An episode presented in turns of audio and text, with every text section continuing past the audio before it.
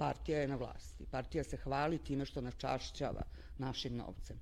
Mi ne znamo šta je pojam e, novca porezkih obveznika, ne znamo šta je naš novac. Mi mislimo da kada nam partija za koju smo glasali čini ono što bi trebala svakako da radi kao svoj posao, da nas zapravo, da nam čini uslugu.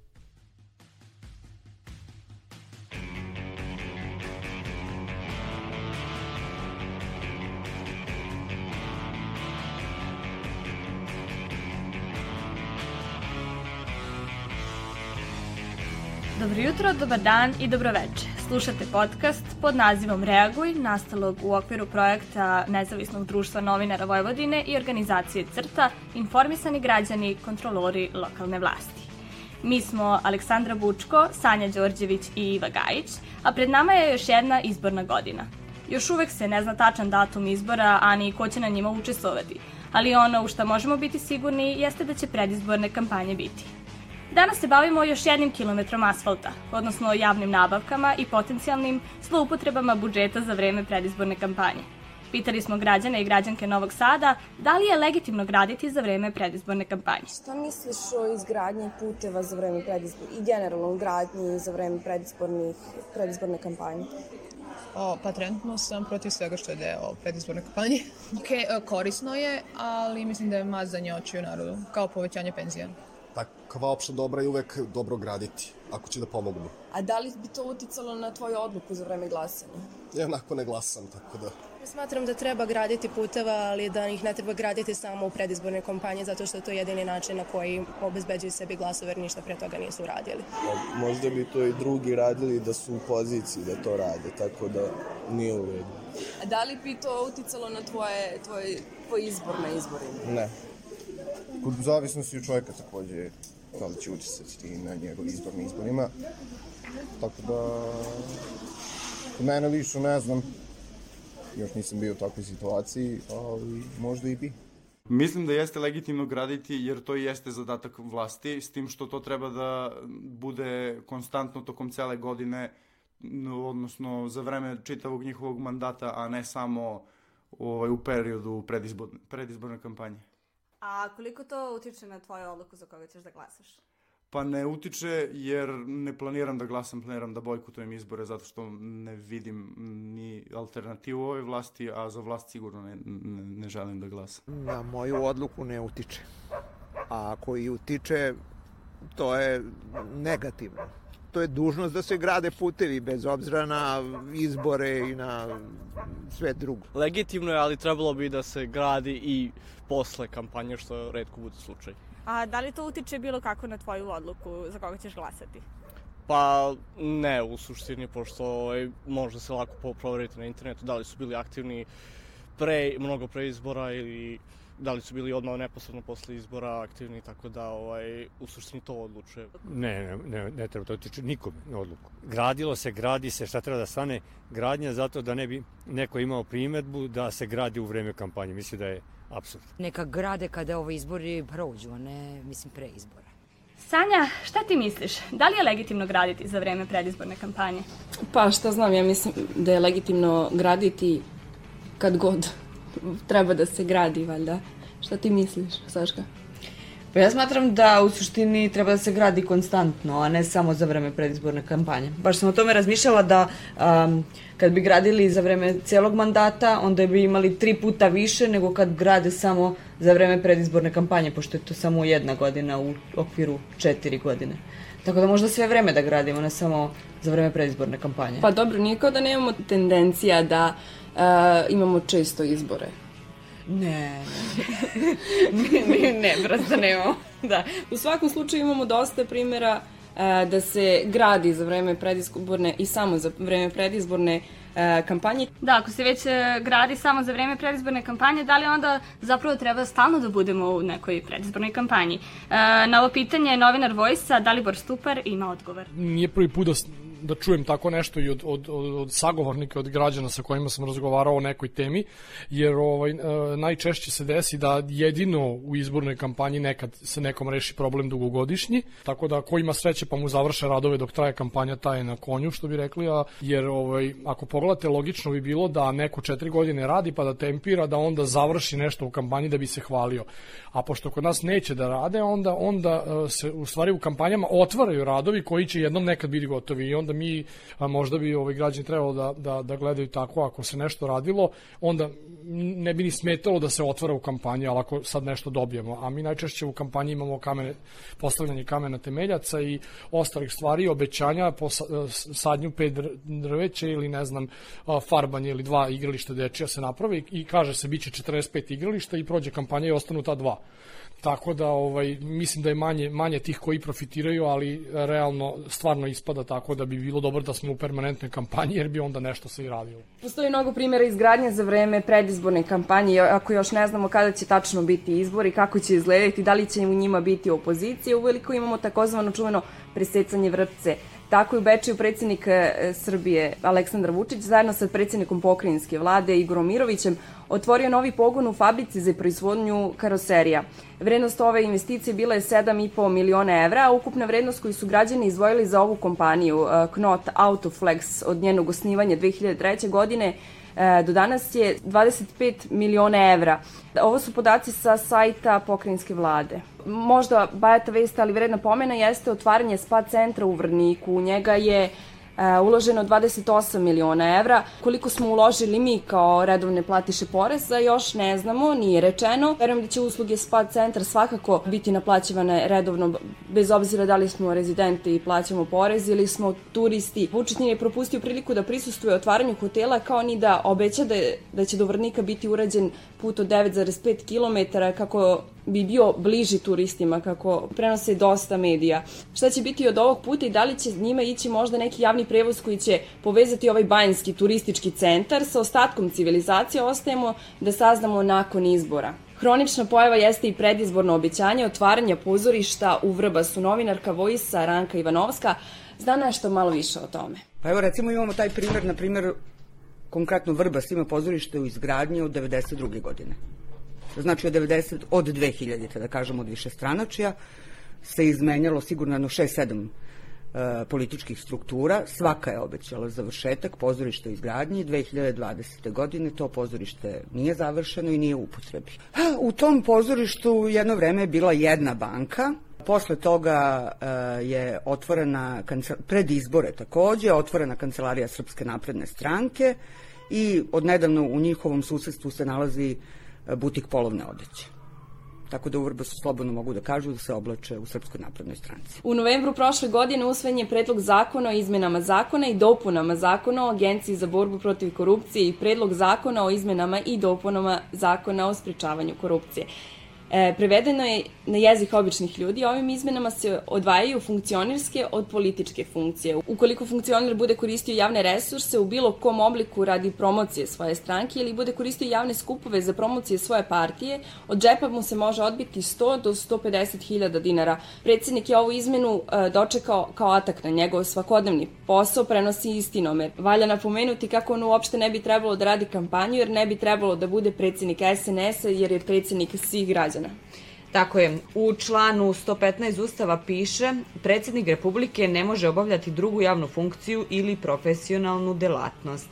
Savezni ustavni sud, kako prenosi Insider, e, ocenio je da funkcija predsjednika stranke nije javna funkcija prema Ustavu, ali svakako Uh, iako to nije sukob interesa, mislim da se slažemo sve tri da prosto predsjednik jedne države bi trebao da bude predsjednik svih građana, a ponašanje predsednika Vučića često ukazuje da je on više u funkciji predsednika glasača SNS-a nego svih građana.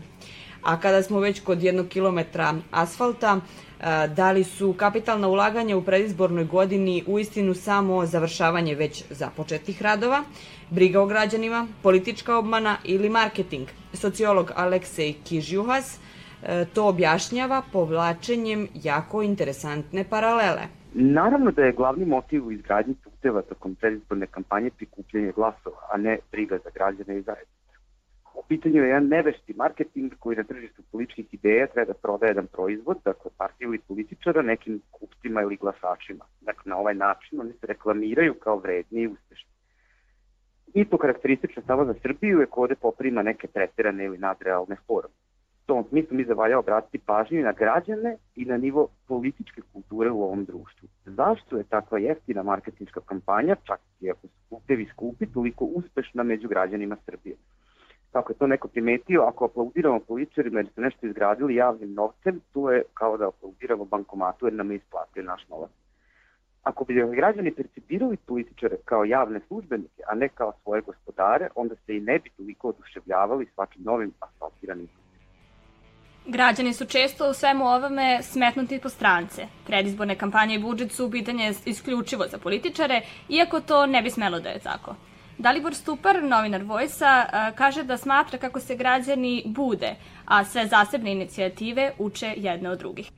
Građani su u ilegali, ovaj, ne znam, u Novom Sadu mi se čini da sad konačno se bude, tu najviše mislim da treba zahvale limancima, zato što ovaj, ove neke ranije inicijative su bile onako dosta lokalne, sad ja sam ih kao novinar pratio, pa ih znam i za Livadicu i za još neke, ovaj, ali, ali ovaj, sa tim limanom je to malo, zato što je valjda tolika bila nervoza kod gradonačelnika i uopšte kod ove gradskih vlasti da, da su onda oni praktično nisu mogli da, da otrpeju, da ćute kao što su ove neke druge očutali i, i, i na kraju krajeva Liman je, je mnogo veći nego neki drugi delovi grada koji su se bunili, pa je to nekako uticalo više i onda su a, ljudi shvatili da sad oni treba da, bi trebalo da se angažuju i da u stvari jedino mogu da uzmu stvari u svoje ruke i tako i bilo, tako da nakon toga a, mislim da to sad ide malo lakše, jer posle toga smo imali ovo ovde baš u komšiluku zgrada suda koja treba da se gradi, tu su opet ljudi kad su videli da će praktično tu su zgrade mislim 12 spratova i sad će da grade podzemnu garažu na dva nivoa, ljudi se boje da će to da im naruši stabilnost zgrade i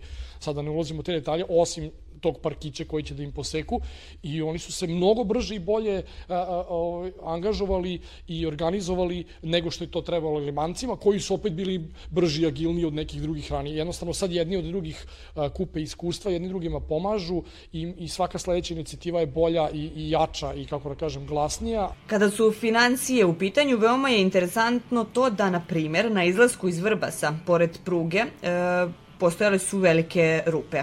E, prosto oštećenja od korišćenja i kad god smo prolazili tuda, radio u kolima bi prestajao da nam radi zbog grupa i truckanja.